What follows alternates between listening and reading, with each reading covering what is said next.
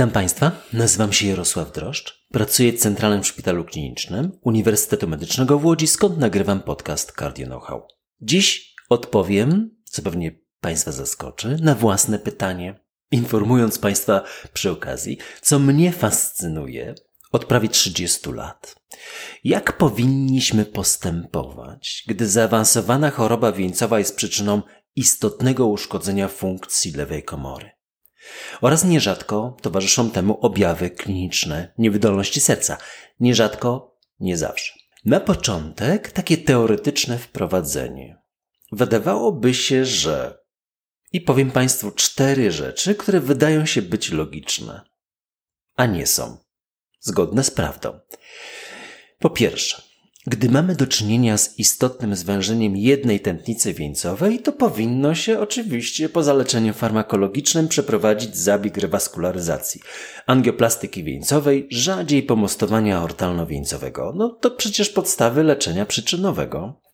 Po drugie, gdy zwężeń jest więcej, no to tym bardziej trzeba dokonać rewaskularyzacji, przywracając drożność wszystkich tętnic wieńcowych. Po trzecie, gdy w toku tych zwężeń dochodzi już do zawałów bądź uszkodzenia mięśnia lewej komory, obniżenia funkcji, no to zdecydowanie jeszcze bardziej należałoby poprawić ten przepływ wieńcowy, jako że to już jest normalnie ostatni dzwonek.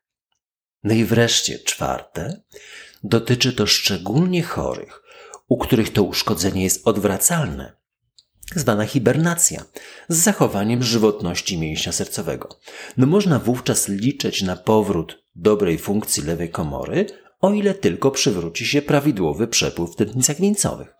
A stąd wydawałoby się już bezwzględne wskazania do rewaskularyzacji. No dużym zaskoczeniem dla wielu z nas jest to, że choć wewnętrznie spójne są te kwestie i logiczne, to wnioski z praktyki klinicznej mówią odwrotność.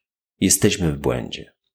Po pierwsze, no z wyników badania ischemia ogłoszonych na AHA w 2019 roku wynika, że zwężenie nawet istotnej powodujące umiarkowane niedokrwienie jest potwierdzone SPEK, takie syndygrafia 8, 10, 12, 14%, można pozostawić bez rewaskularyzacji i leczyć wyłącznie farmakologicznie z dobrymi efektami odległymi. Drugi punkt. No to samo dotyczy choroby wielonaczyniowej. Wynika to z tego samego badania ischemia. Przypomnę jedynie, że wyłącznie wtedy, gdy kliniczny obraz wskazuje na przewlekły zespół wieńcowy, a funkcja komory jest zachowana, bo to były kryteria włączenia do badania ischemia. Po trzecie, żadne z dużych badań wielośrodkowych, zaraz je omówię, i randomizowanych nie wykazało przewagi rewaskularyzacji, gdy chorobie wieńcowej towarzyszy obniżenie frakcji poniżej 35%. No i po czwarte, oczywiście, że samo stwierdzenie żywotności nie zapewnia sensowności rewaskularyzacji. Współczesne wytyczne bardzo mgliście przekonują nas o rekomendacjach dotyczących rewaskularyzacji dla grupy kardiomyopatii niedokrwiennej, bo o tym dziś rozmawiamy. Poza naturalnie bardzo klarownymi wskazaniami do leczenia farmakologicznego, no tutaj zwracam Państwu uwagę, że kluczem do dzisiejszego podcastu jest zrozumienie tego podcastu z wielką piątką w niewydolności serca czy wielką siódemką po zawale. Niedawno pewnie Państwo pamiętacie. Dlaczego tak się dzieje? Że w tym zakresie zalecenia kardiologiczne nie układają się logicznie, zwężenie jednej tętnicy, rewaskularyzacja jako leczenie przyczynowo-skutkowe, czy zwężenie wielu tętnic już z powikłaniami, ale jeszcze u stabilnych pacjentów, tym silniejsze wskazanie do rewaskularyzacji? Potwierdzam Państwa, to nie jest tak. No zacznijmy od początku. Co to jest w ogóle kardiomiopatia niedokrwienna? Otóż jest to taki stan, w którym uszkodzenie funkcji skurczowej lewej komory pojawia się i wynika z przewlekłego zespołu wieńcowego. Nie w przebiegu ostrego zespołu wieńcowego, nie z wady, nie idiopatycznej kardiomiopatii, ani innej przyczyny, z przewlekłego zespołu wieńcowego. Analizując nieco inną populację niewydolności serca, wiemy, że choroba wieńcowa stanowi więcej niż połowę niewydolności, w niektórych analizach do dwóch trzecich przypadków. Czyli przyczyna jest głównie niedokrwienna. To prawda. Kardiomipatia niedokrwienna jest pojęciem nieco szerszym. Obejmuje nie tylko tych, u których mamy objawy niewydolności serca, ale także tych, których takich, tacy, takich objawów nie mają. No patrząc globalnie, co najmniej pół miliona osób w Polsce. Co ważne, z bardzo wysoką śmiertelnością 15-20% rocznie.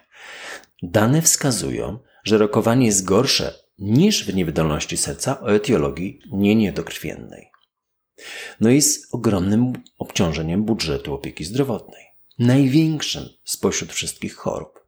Kardiopatia niedokrwienna jest szersza od samej niewydolności serca o etiologii nie niedokrwiennej i samej kardiomiopatii, bo to jest jasne.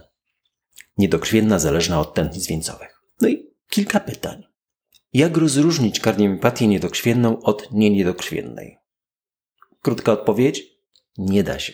Jest ogromna szara strefa, gdzie dużemu uszkodzeniu lewej komory towarzyszą względnie umiarkowane czy nawet małe zwężenia. Miały one kiedyś wpływ na tą funkcję? Mają teraz? Przy klarownych przypadkach zwężenie wielonaczyniowe 90% wszystkie tętnice. To jasne, ale najczęściej nie da się. I jeszcze jeden termin. Niedokrwienna niewydolność serca. Taka niewydolność, która wynika z choroby wieńcowej, a której może towarzyszyć uszkodzenie funkcji skurczowej, bo pamiętacie Państwo, że jest HF-RF, HF-MRF i to uszkodzenie występuje i o tym dziś rozmawiamy, bądź funkcja skurczowa może być zachowana HF-PEF i o tym dziś nie rozmawiamy. Kardiomiopatia niedokrwienna obejmuje tylko część z tych chorych zatem, ale zawiera tych, u których dysfunkcja komory nie kojarzy się z objawami niewydolności serca. Szersze, nieco z boku leżące pojęcie. Kolejne pytanie. Skąd wynika zatem uszkodzenie komory? No, w większości przypadków powiedzmy, że wynika ze zjawiska hibernacji, czyli programowanego uśpienia komórek mięśnia sercowego, a nie z ich śmierci. Powoli spada przepływ wieńcowy i komórka ma dwie opcje. Stale pracować, kurczyć się i zginąć w mechanizmie niedokrwienia lub przestać się kurczyć. W sposób programowany przeprowadzić tak zwaną down regulation, usnąć, zahibernować się, ale przeżyć. No ale się nie kurczyć. To pociąga za sobą obniżenie funkcji skurczowej lewej komory. Zresztą obie funkcje, obie opcje powodują to samo. Opcja druga daje szansę powrotu do funkcji, gdy jest to tak zwana żywotność mięśnia, zachowana żywotność mięśnia, gdy przywróci się przepływ krwi. Możemy to stwierdzić, czy ta żywotność jest, ale praktycznie rzecz ujmując, nie potrafimy tego tak dobrze, nie stosując dziś szeroko PET z wielu różnych powodów. Kolejne pytanie. Skąd wynikają objawy kliniczne niewydolności serca? No, trudna odpowiedź. Z licznych, nie do końca poznanych mechanizmów. Znamy przecież chorych z zaawansowaną dysfunkcją lewej komory bez objawów oraz zachowaną funkcją skurczową z nasilonymi objawami i obrzękami płuc w przebiegu HFPF. Kolejnie. Jak wygląda najlepszy model rewaskularyzacji? No, myślenie kardiologa jest następujące. Jedno zwężenie, no może poza pniem. Angioplastyka przeskórna z małym ryzykiem okołozabiegowym, ale z gorszym wynikiem odległym. Koniecznością ponownych rewaskularyzacji, zabiegów, zawałów. Wiele zwężeń to pomostowania aortalno-wieńcowe ze stosunkowo wysokim ryzykiem wczesnych powikłań wyższym niż angioplastyka wieńcowa, ale bardzo niskim ryzykiem powikłań odległych, mniej ponownych waskularyzacji zawałów. No i teraz wróćmy do tego tematu, co mówią wytyczne. Weźmy europejskie. Ponieważ pacjenci z kardioempatią niedokrwienną byli systematycznie wykluczani z badań, poza trzema badaniami o czym za moment, to Europejskie Towarzystwo Kardiologiczne rekomenduje pomostowanie bypassy, wspominając przy akceptowalnym ryzyku okołozabiegowych powikłań, czego do końca nie daje się sprecyzować przecież. A angioplastyka wieńcowa wyłącznie w sytuacji braku możliwości pomostowania aortalno-wieńcowego. Amerykańskie wytyczne mówią Tak. Czasem pomostowanie artalno-wieńcowe, czego też nie sposób klarownie wyjaśnić, bez wskazań do angioplastyki wieńcowej z uwagi na brak informacji z badań. A brytyjskie są jeszcze prostsze. Brak wskazań do rewaskularyzacji w kardiomiopatii niedokrwiennej. Kropka. Co zatem mamy robić w praktyce klinicznej? Skąd brać inspirację do działań? Z logiki? Mówiliśmy o tym zawodzi. Z aktualnej wiedzy? Jest niepełna. Z wytycznych? Których? Z praktyki klinicznej? No jakiej? Na jakiej podstawie? Z mojej? Ekspertów? Państwa? Każdego lekarza? No wydaje się, że już lepiej rzucić monetą. Ale spróbujmy dziś przymierzyć się do lepszych koncepcji niż rzut monetą. No i nadszedł czas na te trzy badania wspomniane powyżej. Hart.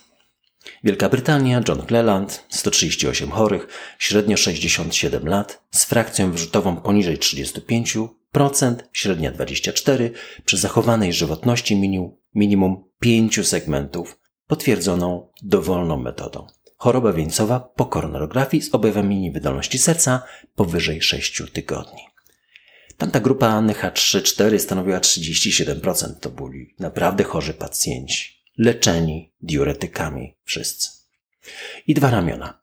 Leczenie rewaskularyzacji, angioplastyka bądź pomostowanie artalno-wieńcowe versus postępowanie zachowawcze. John Cleland musiał przerwać to badanie, dlatego że kolejne badanie, jako trzecie wymienione tutaj Stitch, ruszył pełną parą w 40 krajach. I ja pamiętam taką rozmowę wspomnianym już barze w Nowym Orlanie między Johnem Clelandem a Robertem Johnson. Był chyba też Eric Velasquez, gdzie nie rozumiałem pewnych elementów ich y, dywagacji odnośnie tego, co zrobić z tymi pacjentami, ale teraz rozumiem. 138 chorych nie pozwoliłoby na odpowiedź jakąkolwiek sensowną, a to dlatego, że ośrodki brytyjskie włączyły się w realizację badania Stitch. W pierwszej podgrupie rewaskularyzacji wykonano bypassy u mniej więcej połowy chorych, nieco mniej, angioplastykę wieńcową u mniej więcej co czwartego pacjenta. Bez rewaskularyzacji pozostawiono jedną trzecią chorych. W drugiej leczenie zachowawcze u 93%. Wyniki brak istotnych różnic. Ale oczywiście grupa niezbyt duża. Drugie badanie. PARR2. Kanadyjskie. Rob Binlands. 430 pacjentów, średnia 63 lata. Frakcja wyrzutowa tak samo, poniżej 35%, średnia to była 27%. No i podejrzenie choroby wieńcowej, czy udokumentowana choroba wieńcowa, przy czym wykonywano koronarografię później. Dwa ramiona z rewaskularyzacją uzależnioną od wyniku PET bądź standardowa kwalifikacja oparta o dowolnie wybrane badania, ale bez PET. Co ciekawe, po badaniu PET wykonano nieco więcej rewaskularyzacji 47% versus 35% w grupie opieki standardowej, więc bardziej PET służył do potwierdzania żywotności przewidywanej w nieco mniejszym odsetku niż jej wykluczaniu. To ważne stwierdzenie, bo nie wykonujemy PET. Wiemy, że żywotności jest nieco więcej niż to, co my widzimy. Po roku brak różnic. Po pięciu latach brak różnic. A grupa 430 pacjentów pozwoliłaby już na odpowiedź. I pięć lat obserwacji. No i wreszcie to trzecie badanie.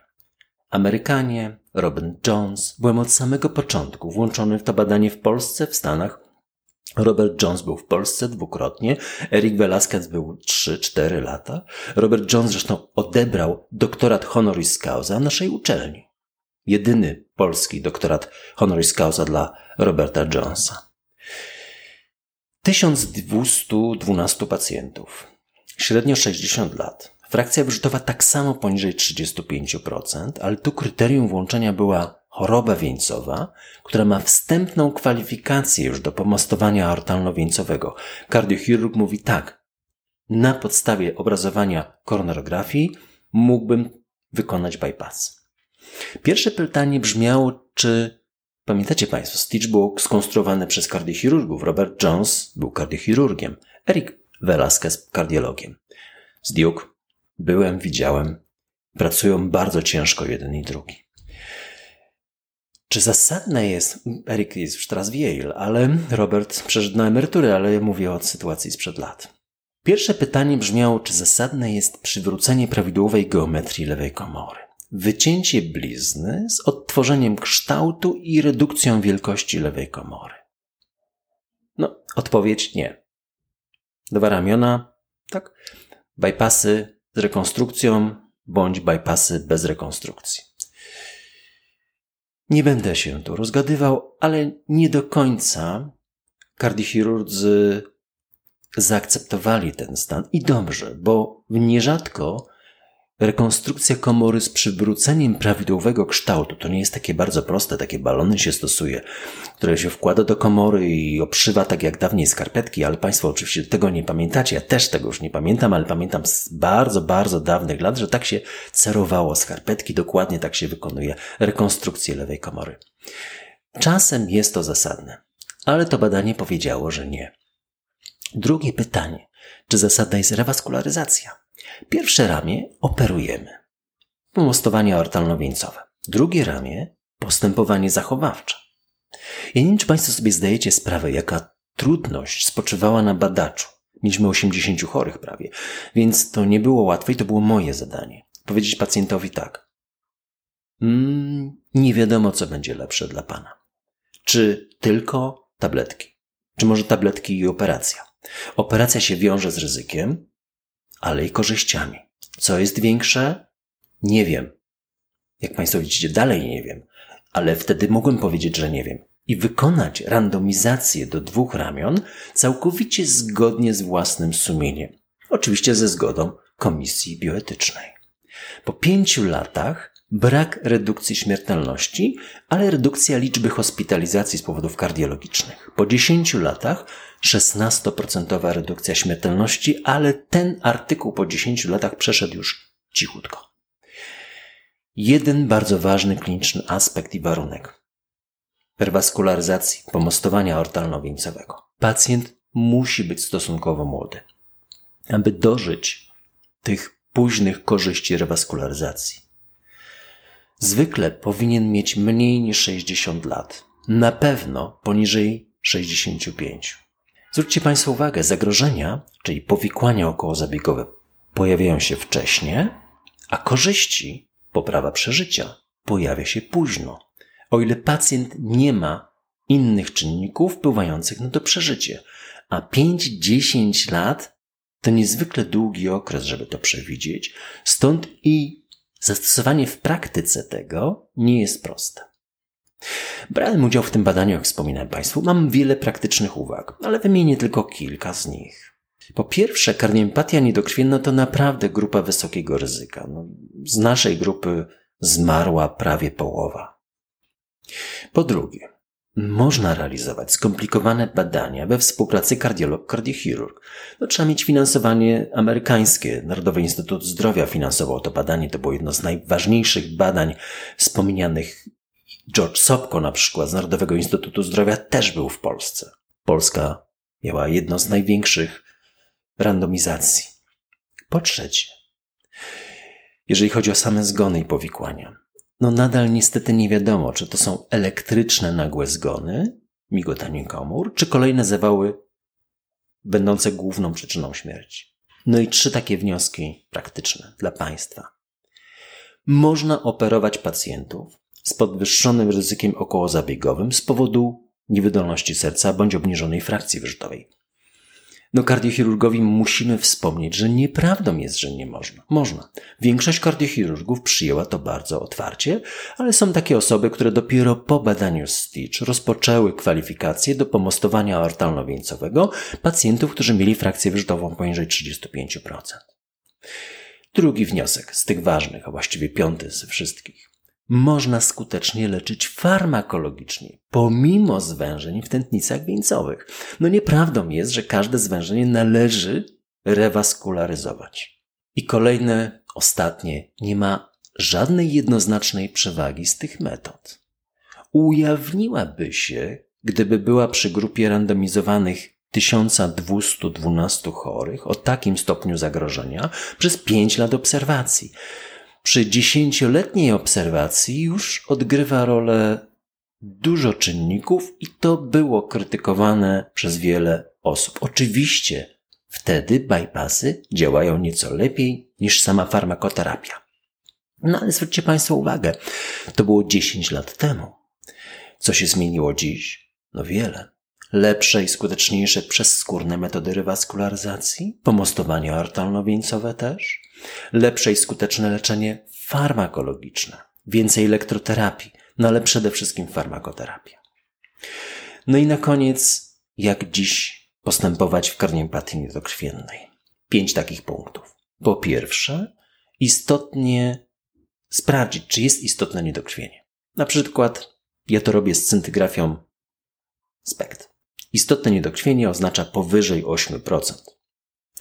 Po drugie, dokonać analizy koronografii na posiedzeniu Hard Team z udziałem kardiologa interwencyjnego i kardiochirurga, oceniając wyłącznie możliwość rewaskularyzacji.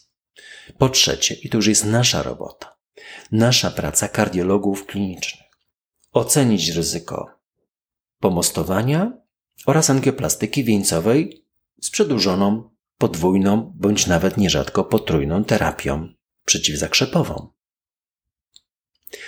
I tu te dwa elementy już nieco dokładniej. Pomostowanie aortalno-wieńcowe dla młodszych pacjentów, na pewno poniżej 65, ale w zasadzie 60 roku życia, bez chorób współistniejących, z żywotnością, ale tylko ma sens rozpatrywanie jej w zakresie ściany przedniej. Bądź wtedy, gdy trzeba równolegle, w tym samym czasie, naprawić zestawki aortalną, bitralną. I ostatnia rzecz, angioplastyka wieńcowa. Rozważamy ją w przypadku bardzo wysokiego ryzyka okołozabiegowego pomostowania aortalno-wieńcowego, przy zachowanej żywotności i po pomostowaniu aortalno-wieńcowym. Odnośnie żywotności naprawdę uważam, że jej badanie musimy rozpatrywać z pewnym dystansem. Nie jesteśmy w stanie poza PET potwierdzić bądź wykluczyć jej. Najczęściej wykonujemy błąd. Wykluczamy, a ona jest. No ale absolutnie przede wszystkim to jest fundamentalna sprawa. Leczyć farmakologicznie. Daje się to zrobić u każdego pacjenta. Farmakoterapia, rehabilitacja, ruch, dieta. Bo to są fundamentalne sposoby na poprawienie rokowania. Każdy z leków, wielka piątka w niewydolności serca, czy wielka siódemka, czy jej połączenia jakiekolwiek, potwierdziły skuteczność w badaniu. I gdyby takie badanie zrobiono z jakimkolwiek elementów, były, wiemy, mówiliśmy o tym, to wykazano by, nawet w tej grupie 100 czy 700 chorych, czy 1212, rewaskularyzacji nie wykazano. To nie znaczy, że nie należy jej stosować. Można w konkretnych przypadkach. No i na koniec wątek osobisty. Tuż po powrocie ze stypendium, przed 25 już ponad laty, opracowałem ogromne i ambitne badanie ELF. Evaluation, LV Function, jakoś tak się ten skrót układał. Oceniające, jakbyśmy dziś powiedzieli, prognozę chorych ze skurczową niewydolnością serca. No, nigdy, jak Państwo wiecie, do niego nie doszło. Czy żałuję? Nie wiem. Robiłem bardzo ciekawe rzeczy. Ale przed doktoratem jeszcze testowałem różne sposoby podejścia do tego tematu i na przykład zbadałem metodą echo 80 chorych z idiopatyczną, nie niedokrwienną, jakbyśmy dziś powiedzieli, kardioempatią z użyciem niskiej dawki dobutaminy. No potem o wszystkim zapomniałem, napisałem doktorat zupełnie z czegoś innego, a wróciłem do naszych pacjentów po pięciu latach. Z tego się narodziła habilitacja artykułów CHEST 2002, który był nawet na jednym z artykułów roku 2003 w amerykańskich publikacjach. Przypadkowo wpadłem na to studiując różne e, analizy e, amerykańskich książek. Article of the Year 2-3, zobaczcie Państwo.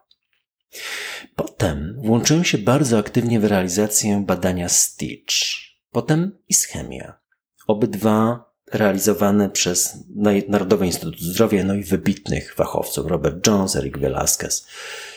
Judy Hochman. Dziś jestem walczącym członkiem zespołu Hard Team, walczącym o najlepsze możliwe leczenie dla tych bardzo trudnych chorych. No i walczę o wybór najlepszej farmakoterapii czy terapii, rewaskularyzacji czasem, ale zdecydowanie na pierwszym planie farmakoterapia. Czytamy co? Richard Flanagan. Już mówiliśmy, omawialiśmy jego powieść yy, Ścieżki Północy, nagrodzoną nagrodą Bookera. A teraz przeczytałem jego ostatnią powieść, Pierwsza osoba. Ten urodzony na Tasmanii w 1961 roku, troszeczkę ode mnie starszy pisarz, niewiele, znakomicie bawi się słowem. Wydało to wydawnictwo literackie 2019 rok, sama książka powstała 2017. Oglądaliście Państwo film Autor Widmo Romana Polańskiego opartą, czy oparty film o książkę Roberta Harrisa? Tu książka jest zdecydowanie lepsza, chociaż tam te też nie, niewiele brakuje. Opis baru w Melbourne, około godziny 20. Zwróćcie Państwo uwagę, 50-60 strona mniej więcej. I o współczesnej, popularnej literaturze, która traktuje o dwóch sprawach, ale najczęściej o jednej. To kolejne zdania tej powieści. Fantastyczna. Tu mamy tysiące wielkich przyjemności, prawdziwy kunszt pisarza traktującego opisy codziennych i niecodziennych zjawisk. No nierzadko prawdziwy thriller, a czasem komedia. A dla młodych kardiologów spodziewających się dziecka znakomity opis porodu. Ale nie bójcie się, daje się przeżyć.